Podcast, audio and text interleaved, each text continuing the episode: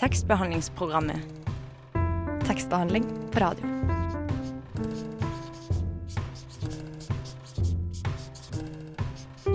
Tekstbehandlingsprogrammet.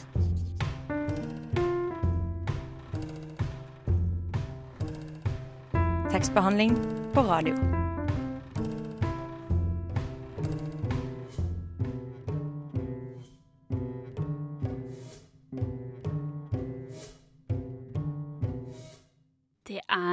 Onsdags formiddag, og det betyr at det er tid for en eh, time med litteratur her på Radio Nova. Eller enda mer spesifikt så får du faktisk en time med poesi her i dag, for vi skal snakke om Kristin Berget sin nyeste diktsamling. Eh, Jeg heter Eline Hystad, og med meg i studio så har jeg deg, Sofus Grønli. Ja, hei, hei. Går det bra? Du, det går veldig bra. Åssen Ja. har du det i dag? Bra. Ja, Spent på poesien. Ja. Ja. Så bra. Jeg gleder Jeg meg veldig, jeg også. ja. Er du glad i poesi?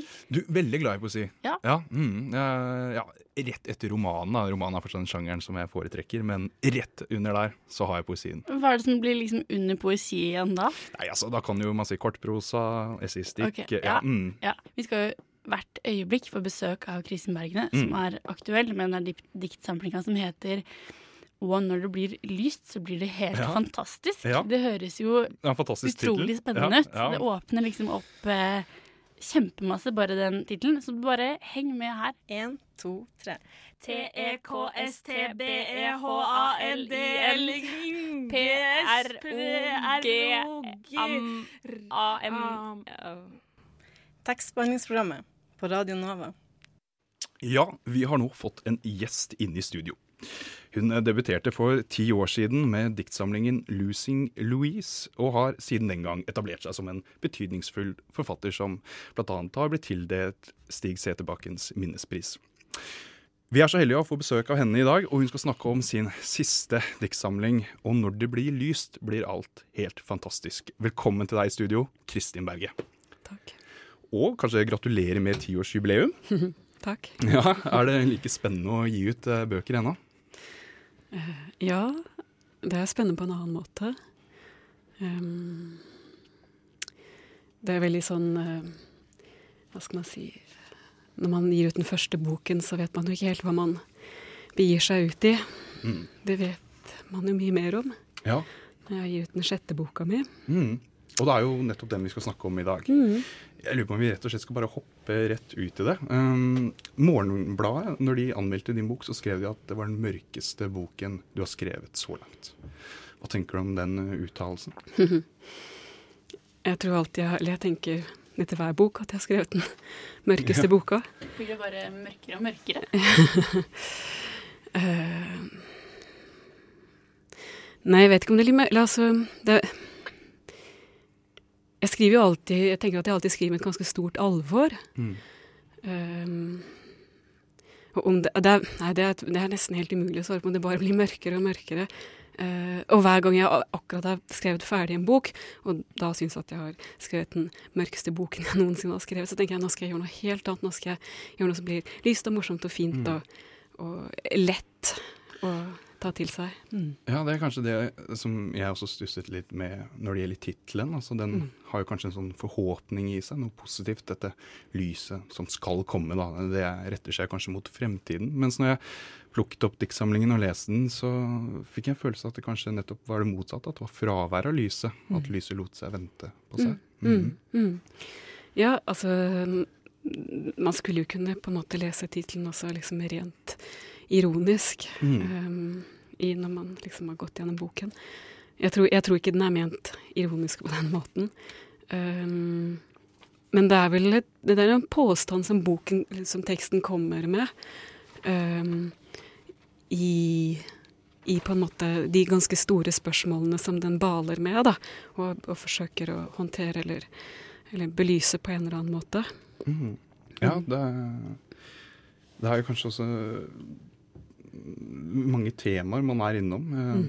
Miljø mm. er en, kanskje en stor del av et motiv som opptrer. Mm. Religion også, kanskje, til en viss grad. Mm. Dette kan vi komme nærmere inn på. Men det som jeg stusset med sånn helt i åpningen også, var kanskje at det var sånt et alvor av en sånn skjebnes klang. Mm. Eh, Det er vel en linje der som omhandler at evolusjonen taler og sier noe som at At det er kanskje det som skal komme, er på en måte uunngåelig, fikk jeg en følelse av. Er det noe du har jobbet eh, med? Nei, altså denne, denne boken er skrevet fram på en litt annen måte enn jeg vanligvis har jobbet på. Eh, Jeg har ofte jobbet liksom med veldig store tekstkropper, på en måte en full komposisjon. eh, I tankene, på en måte. Og det er en veldig, det er en veldig omfattende arbeidsmetode, og veldig tidkrevende. Og, og jeg trengte å jobbe på en annen måte. Så når jeg har skrevet deler av den, er jo best, altså, var at jeg ble invitert uh, til å skrive for Den engelske kanal, Mm. som er en, eh, en årlig litteraturantologi. Ja. Eller unnskyld, poesiantologi. Mm. Um, Utgitt sammen med Jørn H. Sværen? Ja, utgitt. Mm. eller han er redaktør, Han er da. redaktøren, ja. Mm, Mm. Utgitt på Kolan. Mm. Um, jo, jeg ble invitert for å skrive der, og da hadde jeg en idé når jeg begynte, at jeg nettopp skulle kunne skrive i litt mindre, litt mindre komposisjoner, som jeg hadde et håp om at med tiden skulle kunne bli en større komposisjon. Ok, Så det var gjennom den engelske kanalen at dette prosjektet på en måte avstedkom? kom? Ja. Mm. Um, ja, det vil jeg si. Ja. Mm. Men- er- mm. Er det en sånn eksperimentering? Du sa at du liksom baler med litt forskjellige eh, problematikker eller saker. Mm. Så det er liksom en eksperimentering om det som skal skje, da, som ligger i tittelen. Er det noe sånt du tenker? Med disse små brokkene i stykkene? Um, nei, jeg tror ikke jeg tenker så veldig mye på eksperimentering når jeg jobber. Um, jeg tenker veldig mye på undersøkelse, Mm. um, og at jeg eh, unn, At noen temaer jeg går og tenker på, har jeg et behov for å undersøke. Ja, det tenkte jeg på um, i forhold til din uh, tidligere diktsamling, altså 'Hennes ansikt'. Mm. uh, så mente jeg å ha hørt et intervju hvor du sa annet at uh, i prosessen, eller i forberedelsen for å skrive det verket, så gikk du annet på jakt. Mm -hmm. Stemmer det, eller? Mhm. Ja, uh, Har du hatt noen lignende type forberedelse i å gå inn i dette materialet, eller disse tematikkene som foreligger? Nei, ikke Ikke Altså, det var jo på en måte en slags helt konkret research som jeg gjorde på et eller annet tidspunkt. Mm. Det jeg hadde skrevet en god stund på den boken, jeg, og jeg visste ikke om det kunne lede til noe. Men det gjorde det. Det ble vesentlig for, for den boken. Um, sånn at jeg har ikke gjort research på den måten. Men, um, men det har vært omstendigheter i livet mitt som har vært vesentlige for at nye spørsmålsstillinger reiste seg i, i, når jeg skulle skrive denne dette boken. boken. Ja, da jeg må nesten bare følge opp det. Ja. Um, fordi det er jo, i forhold til de kanskje tidligere diktsamlingene, hvor det er et jeg som er sentralt, så trer det jo nå inn et vi i denne nye diktsamlingen. Og, og et barn fødes kanskje. Mm. Er det også noe som du plutselig fikk et behov for å, for å undersøke? Dette vi-et. Mm. Ja, altså det var jo nettopp det, at jeg ble forelder. Mm. Og uh, med den erfaringen eh, Altså Det å plutselig være henvist til et vi, som man som forelder Man er ikke den singulære kroppen lenger, liksom. Man er plutselig helt, helt Eller det finnes et annet menneske som er helt avhengig av deg, og, og det, du kan ikke separeres ut fra det. Og plutselig så inngår du i et vi som du ikke kan tre ut fra eller ut av. Og det, akkurat den erfaringen uh, syns jeg var veldig interessant å også undersøke liksom, i arbeidet mitt. Nettopp hva vil det si å inngå i et vi? At jeg, tenkte, at jeg opplever at jeg hadde mye arbeidet med et, et jeg som forholdt seg til omstendigheter. Men hva vil det si å inngå i et vi? Og så klart liksom, det veldig intime vi-et mellom et foreldre og, og, eller en, en forelder og et barn, som også liksom dytter, dytter en ut i på en måte et mye større vi, da. Som også barnet faktisk gjør, på en måte med at man plutselig må tre inn i verden på i situasjoner og miljøer som i hvert fall ikke jeg var liksom vant med å være i.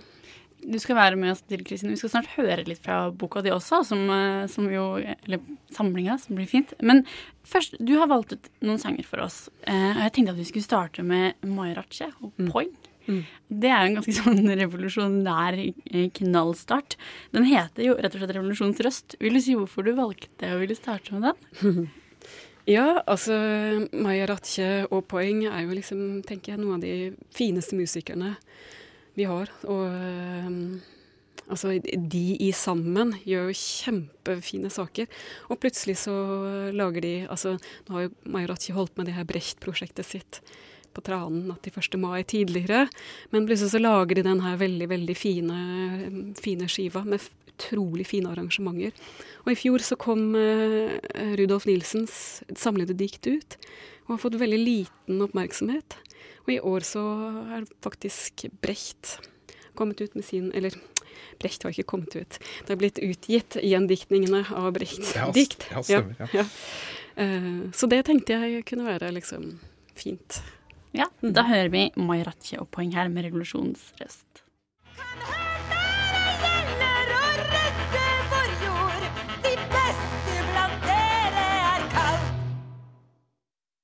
Der hørte du Poeng og Maja Ratche med en skikkelig schwung-start. Og Kristin Berge, du er med oss eh, fortsatt. Og nå skal du få lov til å lese litt fra den nyeste diktsamlinga di. Og når det blir lyst, blir det helt fantastisk.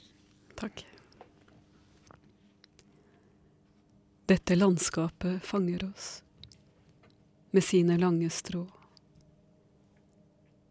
En sprø jord sprekker opp i juli. Vi har valgt å skrape fingrene mot denne jordskorpa, få bakterier under neglene. Her holder vi oss fast. Kroppene vokser, gir plass til nye kropper. Et system utarbeidet gjennom millioner av år. Ta det ikke personlig, at det krakelerer, at det fungerer. Det er evolusjonen som snakker. En stemme som påstår det uhyrligste.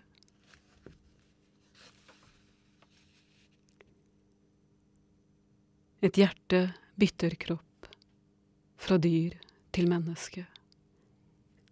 Tåren simulerer både hav og sorg. Pusten en vind som drar havet inn og ut fra land. Vi er mennesker her, føder nye mennesker, puster inn sjøluft eller eksos. Er det havet som driver i oss? Er det veinettet som navigerer gjennom oss? Er det varme som pumpes rundt, magma under, sol over? Bare her kan vi være. Dette tempererte området.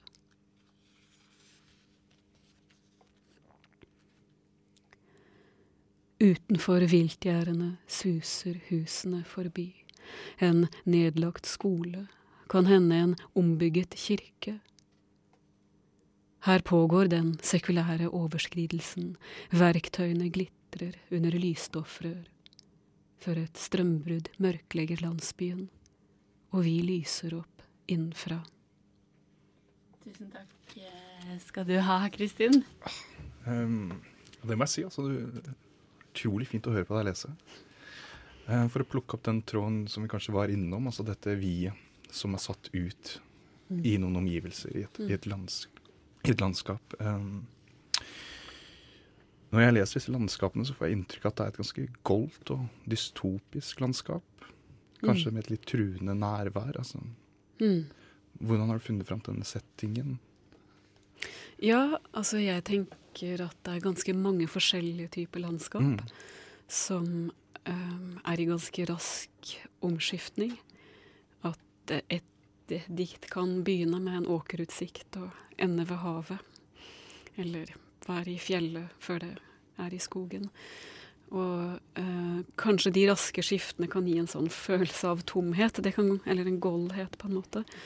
Mens jeg har nok tenkt at jeg har liksom forsøkt å inkorporere så, mange som mulig typer landskaper som er skandinaviske, da, eller her i, i nord. Ja, Mm. og det kan jo være kanskje nettopp derfor man tenker at det er eh, litt goldt, eller Ja. kanskje kaldt. At det, er, det er frost på jordene. Mm. Det sprekker litt. Ja, ja. Eh, Ja, det blomstrer jo ikke. Nei, det gjør ikke det. Nei, Nei. det har du helt rett i.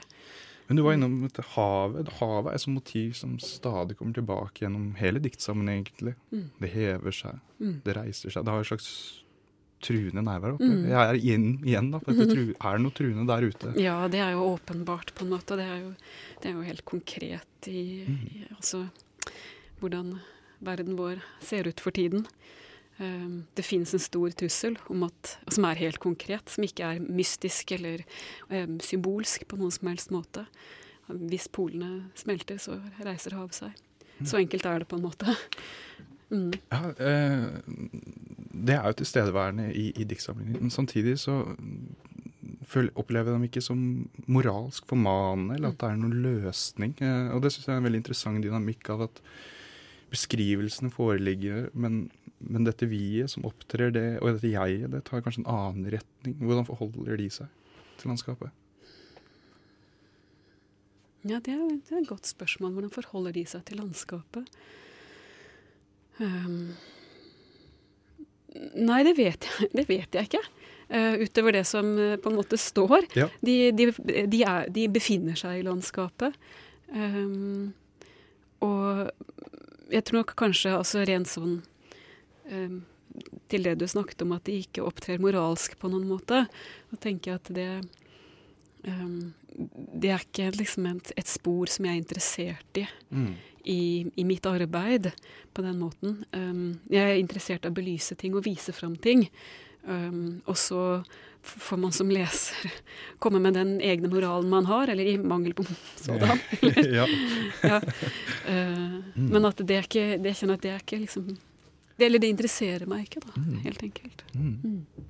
Det er, det er interessant også, tenker jeg, mm, dette landskapet er jo til stede veldig konkret. Mm. Det er den nedlagte bygningen, mm. det er det huset eller det treet.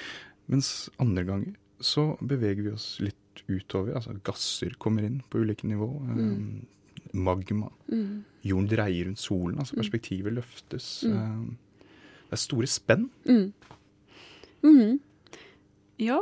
Uh, og, det, og, det, er jo også på en måte helt konkret, liksom, omstendigheter vi befinner oss i. Vi befinner oss i helt konkrete hus, men vi befinner oss også i et kosmos og en jord som dreier om solen. Mm. Um, men det er viktig liksom helt teknisk når jeg jobber, alltid forankre liksom, metaforikken og bildene mine veldig tydelig da, i, i konkrete hus, eller mm. i at jeg, det er komplisert hvis visst at det mangler på en måte det, det ankeret inn i, en, i noe litt sånn håndfast og materielt. da. Det, det, det, viktig når jeg jobber. Ja. Skrive fram tydelige bilder. En annen eh, tematikk som vi skal komme litt inn på senere, som er veldig til stede her, er jo det her med religion og Gud. Og da passer det jo veldig godt at du har plukka ut Nick Cave, eh, med også Jesus Alone, faktisk fra den nyeste plata hans, 'Skeleton Tree'. Var du på konsert på mandag, forresten? Jeg var ikke det. Mm. Han, det er jo ganske høyaktuelt også nå. Mm. Vi skal høre den nå i hvert fall. Jesus Alone'. You fell from the sky crash landed in a field near the river Ada.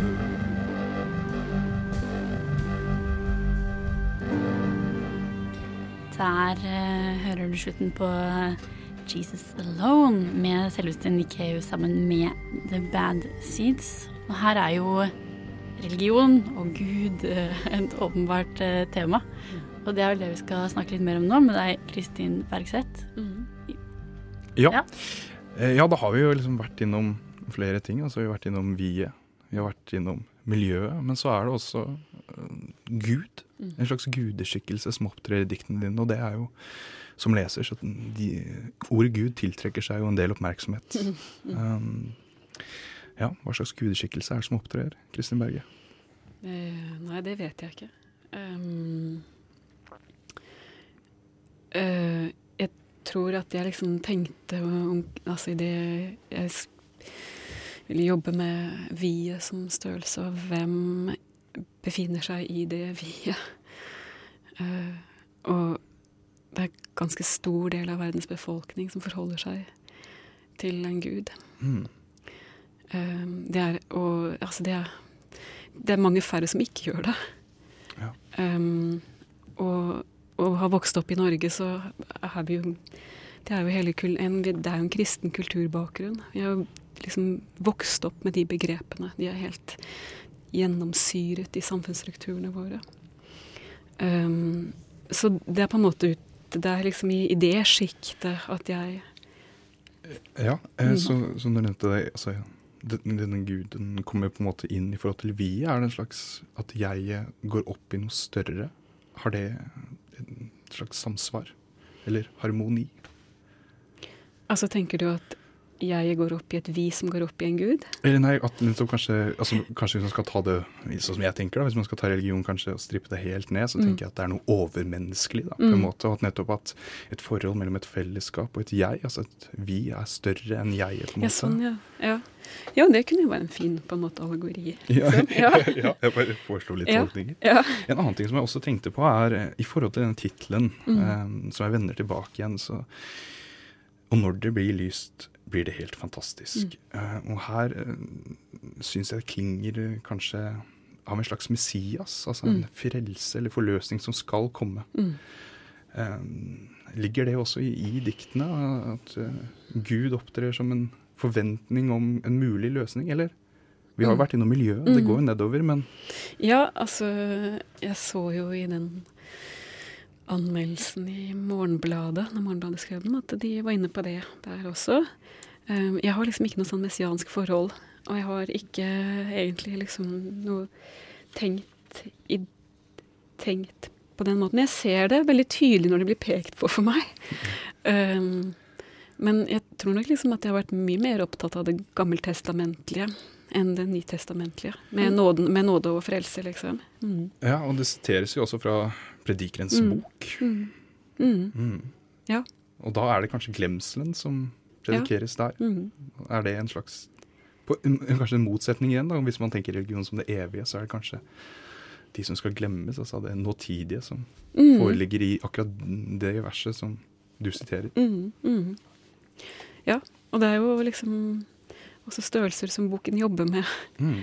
Altså, no Jeg var liksom Syns det, det kunne være at det var litt overflødig å ha det sitatet der. Jeg tenker at det er Ok. Ja. At mye Altså, det, det er ikke det. Altså, jeg, det, det er ikke det. Jeg er veldig liksom glad for at jeg valgte det til slutt. Mm.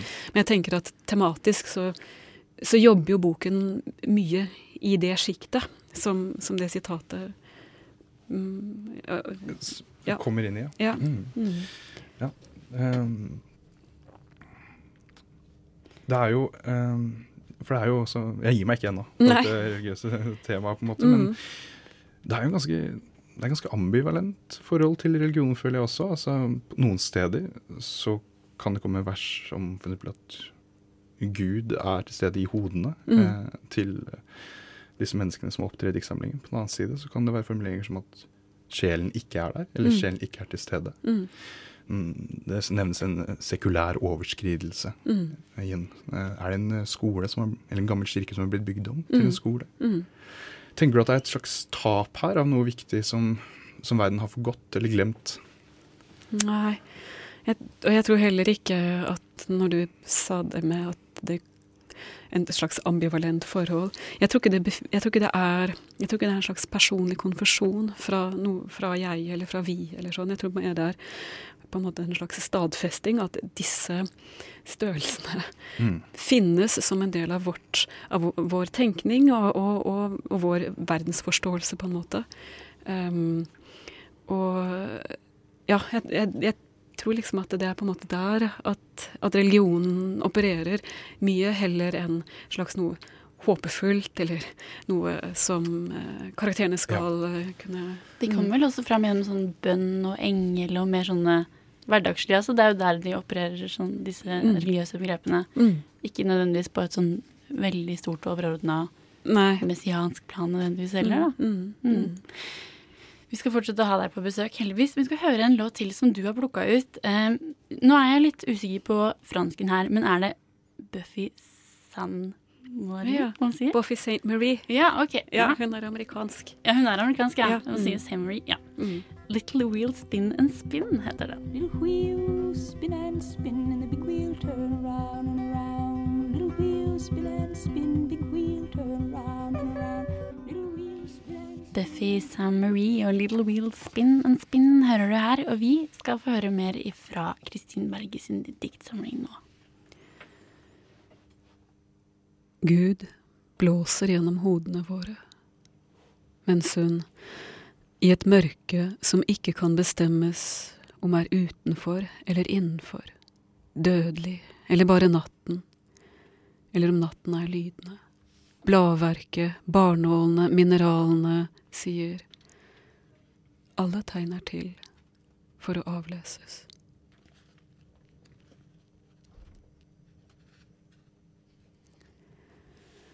Selv om vi ikke har en sjel, er det noe som drar i oss. Vi har løpt langs et nypløyd jorde, sett humuslaget brukket åpent, energier sluppet fri. Det uttømte fosforet, leirlaget som sulter. Et sted sover barna. En hellig treenighet, eller to trekanter smeltet sammen til en davidsstjerne. Det drar i oss. Vinteren må komme med forsoning. Grener brekker. Skyggelagte områder blir lyse. En kjølig blå luft driver oss i hver vår retning. Vi må forberede oss på å gå manngard i natt, ringe inn og kartlegge. Frostrøyken står ut av munnene, vi må lære å tolke røyksignaler, og så et smell over den isdekte mosebunnen. En hjort kommer til syne. Nå må dyr og menneske gå sammen.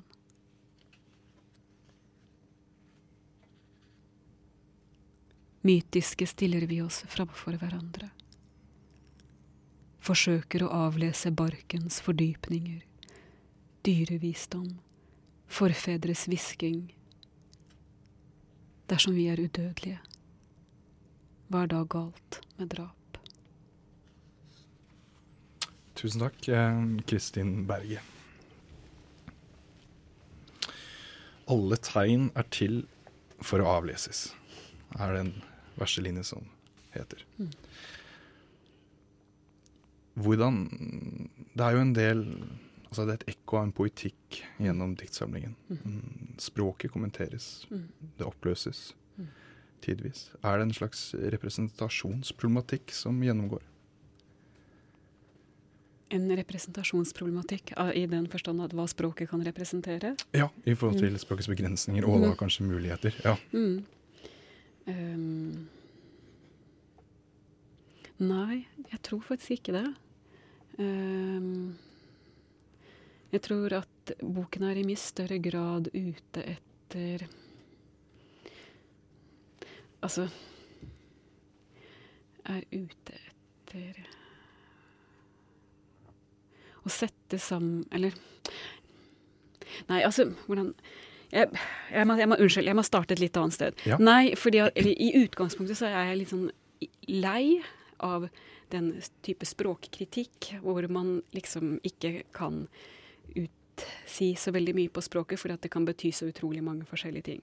Og, jeg, eh, og det visst, det finnes masse, masse fantastisk poesi som arbeider med det.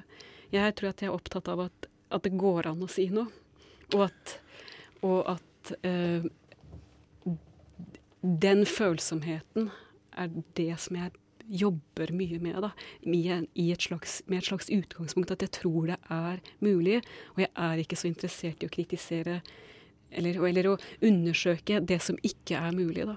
Jeg tenker Det må jo bli ganske uutholdelig å jobbe sånn som forfatter hvis man ikke har tro på verktøyet sitt helt til det fulle heller. Jeg Jo. med sånn Ja, jo, på sett og vis. Men jeg tenker det er jo også det er åpenbart, og det tror jeg vi på en måte altså Det er ikke en, et én-til-én-forhold mellom det jeg sier og det du hører. Det er liksom, jeg tenker det er så grunnleggende Jeg tror vi vet det, liksom. Det er veldig grunnleggende. Ja, ikke sant. Men uh, et sted så står det for eksempel eh, Krig er et ord som legger oss øde i 50 til 100 år. Mm. Og da eh, videre da, at det kanskje nettopp er et paradoks at det er språket eller ordet som legger oss øde eller utsletter oss. Mm. Og helt, er det neste, nest siste dikt i samlingen din, så, så, forløser, eller så blir jo språket også borte. Og Mm. man, et eller annet om at mennesket blir bokstavelig. Altså. Mm. Og da tenker jeg jo med en gang Da er jo ordet oppløst. Meningen vi blir fragmenter. Mm.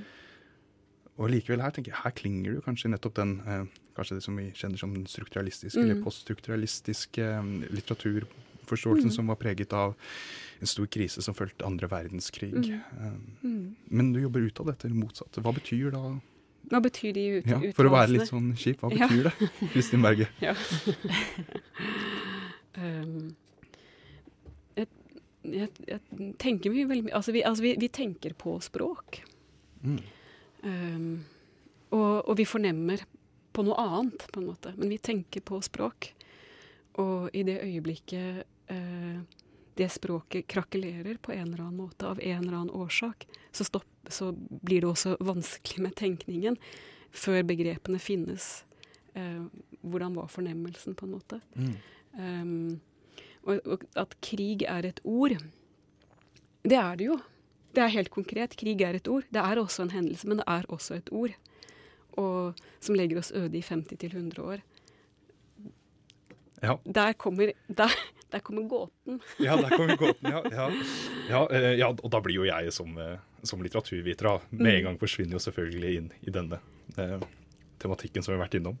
Men eh, kanskje vi kan, vi kan gå litt videre også. Eh, har du, i forhold til å jobbe med denne diktsamlingen, har du møtt på noen problemer som var nye for deg i forhold til å skrive frem de andre prosjektene? Ja. Jeg sa innledningsvis at jeg skulle prøve Og jeg jobbet på en annen måte. Og da jeg hadde skrevet i tre år for den engelske kanalen, så var det på tide å skulle begynne på dette arbeidet. Og det gikk ikke. Så jeg ga det egentlig opp og la det bort. Og tenkte at det, var, det ble tre fine suiter til den engelske kanalen. Uh, og la det bort i lang tid, og så jobbet på andre ting. Og så plutselig så begynte jeg å skrive uh, et, ja, Det er noe som er helt i begynnelsen av boken.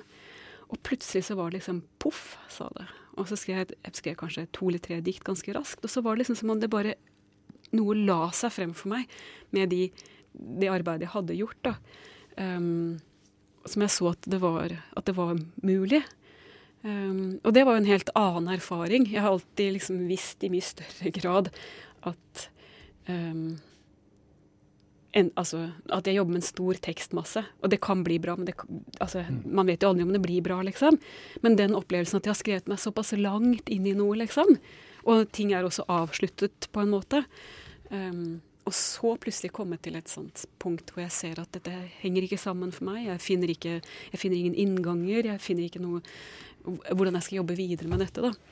Um, så det, det var liksom Før det løste seg igjen, og så var det jo en veldig sånn Da var det egentlig liksom det siste året, kanskje, så, så var det minnet det ganske mye om tidligere prosesser. Og jeg sitter med en, med en stor tekstmasse igjen og, og, og har en stor komposisjon framfor meg. da. Ja, har du Ja, vi er jo også veldig glad for at det blei en, en helhet. Og Mm. folk, at vi fikk den hele denne fine diktsamlinga å lese. Ja, ja Og vi skal, eh, vi skal ha deg enda litt til på besøk, men først skal vi få litt musikk som faktisk ikke er fra dine lister, i motsetning til alt vi har hittil, men litt ifra Radio Nova sin eh, A-liste. Sure, sure, hands up, head down.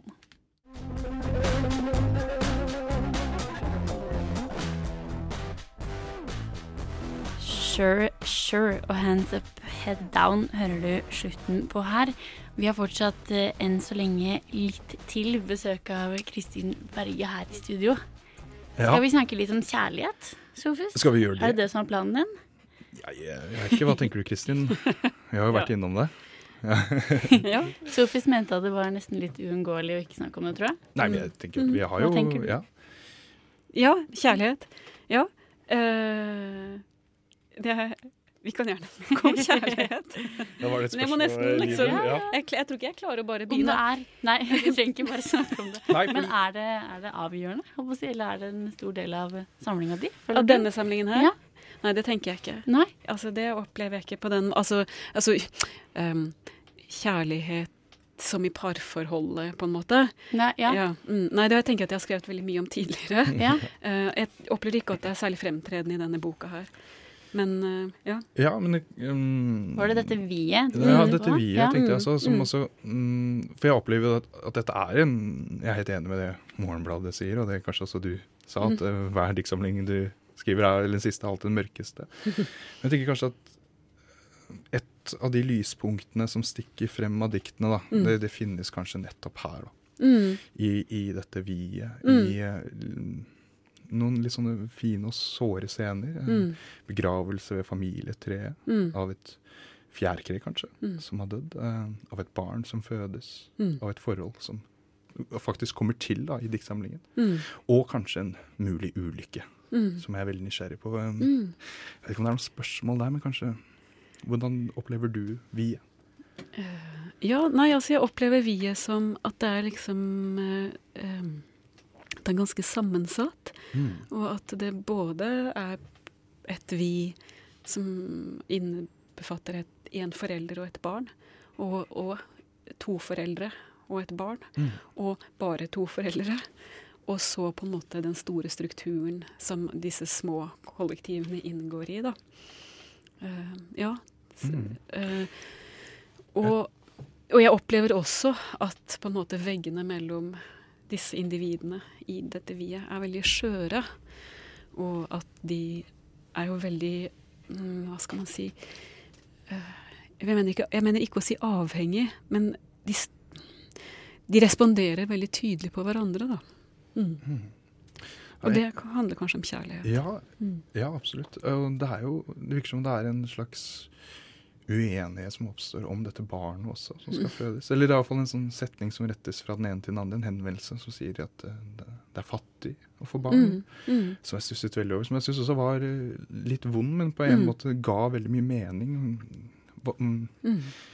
I boken, da, Mm. for å si det sånn. Mm. Altså, hvordan eh, opplever du på en måte at barnet presenteres der? Er det Mm. en sånn type usikkerhet?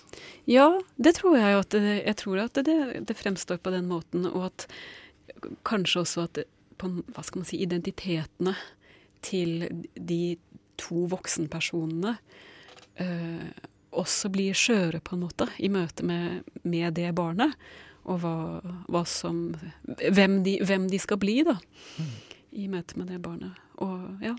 Ja, altså En ting som jeg så tenkte på, da, i forhold til at vi har på en måte det landskapet Mm. og denne ja, miljøkrisen som vi står overfor. altså kan man føde et menneske Mm. inn i en så mørk framtid? Mm. Det føler jeg også ligger som et slags spørsmål mellom linjene her. Ja, det tror jeg absolutt. Og jeg tenker at det er også veldig relevant altså i det vi-et som kan stilles, eller si sånne ting at det er fattig å få barn, f.eks. Mm. Så at det, det er klart at det, det tror Jeg tror det er et stort spørsmål for mange. Altså hva, hva, hva, hva føder vi barna inn i nå, på en måte? Eller, og det har det nok vært til, all, i, til alle tider. Men akkurat nå så det, det kanskje kjennes alltid prekært. Men jeg tror det kjennes eller Jeg har i hvert fall opplevd at det, at det er en sånn prekær samtid nå. Det kjennes Mm. Mm. Det er jo kanskje også en tematikk som er veldig tydelig rundt omkring oss hele tiden. Eh, har du vært noen Litt tilbake til denne arbeidsprosessen. Da. Altså, mm. har det vært noen spesielle inspirasjonskilder som følte at, eller gjorde det nødvendig å skrive denne boken? Altså, vi snakket jo om at en hendelse som er veldig spesifikk i ditt liv, Mm, eh, mm. er det noen andre forfattere eller tenkere eller liksom hendelser ut i verden som på en måte har vært med på å liksom, skape dette behovet? Ja, så Den private hendelsen var jo liksom på en måte en sånn igangsett for å undersøke dette her viet, som jeg følte at jeg ikke hadde jobbet noe særlig med tidligere. da. Um, jeg tror at Det er liksom et spørsmål som har vokst frem veldig mye liksom, som forfatter gjennom de ti årene som jeg har jobba. På en måte som handler om ansvar for den plassen man opptar. Selv om jeg, den er på en måte liten som poet, da, men allikevel ansvar for skriften sin. Og, og at hva er viktig å skrive om? At det er veldig aktuelt. Jeg, jeg tenker mye på hva, hva er viktig å skrive om for tiden. Uh, og det, jeg vet, det, det er ikke noe liksom jeg kan stikke fingeren i, i været og kjenne hva er den politiske strømningen. Altså det, er, det er ikke på den måten. Det er, det er så klart et dypt anliggende fra min side. Men at Er det et behov som oppstår før du går i gang? En sånn, en sånn spørsmål hva, hva Ja. skal jeg bruke min rolle til? Ja. mm, På nærmest en slags tillatelse som jeg trenger okay. for å kunne jobbe. Som ingen andre enn meg selv kan på en måte gi meg, men at jeg klarer å jeg vet ikke om, jeg kan aldri bestemme om det er aktuelt i verden. på en måte. Jeg kan bare bestemme hvor aktuelt det er for meg å jobbe med det. Og så må jo på en måte verden lese det og kjenne om det er aktuelt for verden eller ikke. Mm. Kan du da ende opp med mm, kanskje litt flåsete spørsmål, men i, i mottagelsen av, av samlingene dine, mm, hvis, hvis den er dårlig f.eks., kan du da føle, få dårlig samvittighet også? Eller for på en måte å føle at du kanskje har ikke gjort det, eller fullført den rollen du har fått, da, Mm. eller plassen du har fått i litteraturen? Mm. Ehm, ja, det vil jeg tro, på en måte. Men jeg tror også at i det øyeblikket et arbeid ordentlig går i gang, um, så er det aktuelt for meg. Da er det viktig for meg. Og da, da, ja, da kan jeg ikke lese på noe liksom, barometer om det er viktig eller ikke. Da er det aktuelt for meg, og da blir det viktig, på en måte. Og, og hvis ikke, så, så kan jeg ikke jobbe, liksom. Og, og da blir jo resepsjonen på en måte Det var synd at det som var aktuelt for meg, ikke var aktuelt for deg, på en måte. Men jeg, jeg vet ikke om Nå har jeg aldri fått en sånn gjennomgående slakt, da. Nei. Um, så det kan jo være, hvis jeg fikk det, at jeg virkelig måtte ha tenkt meg om, da. Ja. Det føles jo nesten litt sånn cheesy nå som vi har snakka om alle de prekære politiske hendelser som skjer, å gå over til siste låt, som du har bestemt, Kristin. Den heter jo 'Gonna Get Through This World'. Ja. en, eh, litt sånn paradoksal avslutning, men uh, The Cosmetics, hvorfor har du valgt den? Ja. Vil du si noe om det? Uh, Hvorfor denne positive, lyse ja. En avslutning som er lys, i hvert fall. Ja. Den er kanskje nesten litt sånn lurete, den også. Ja. Som eh, altså Når det blir lyst, blir det helt fantastisk. At den er veldig sånn løfterik. Gonna get through this world. Det er jo også veldig løfterikt. Ja. Men den er, jeg syns liksom altså, The Klesmatics er et veldig fint band som har liksom reaktualisert uh, klesmermusikken for mange, mange år siden, liksom. Der på New York-scenen på 90-tallet, kanskje. Eller til, til og med tidligere enn det. Eh, og dette her, eh, akkurat den låta er noen gamle tekster etter Woody Guthrie som de fant. Um, som på en måte har både den Den har en sånn håpfullhet og samtidig en sånn veldig realitetsorientering i seg. Ja. Og, fint arrangert. Tusen takk for at du kom hit, Kristin Berge. Det var kjempefint å høre fra, fra deg om diktsamlinga di. Her får du altså 'Gonna Get Through This World' av The Cosmetics. Well, I'm gonna get through this world the best I can if I can.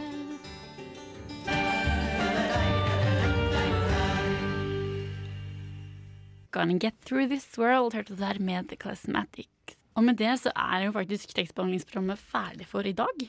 Eh, vi må selvfølgelig takke Kristin Berge, som har holdt ut med oss en Ja, hel sending. ja tusen takk til Kristin eh, Berge. Det var helt nydelig. Ja. Takk til tekniker Joakim Foss Johansen. Eh, takk til deg, Sofus Greni. Jo, takk for det. Selv takk. Jeg heter eh, Eline Hustad.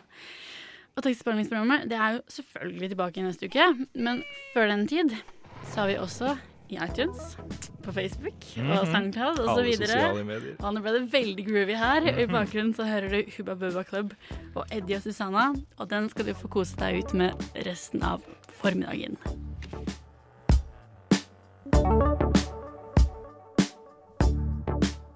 Han er kunstner.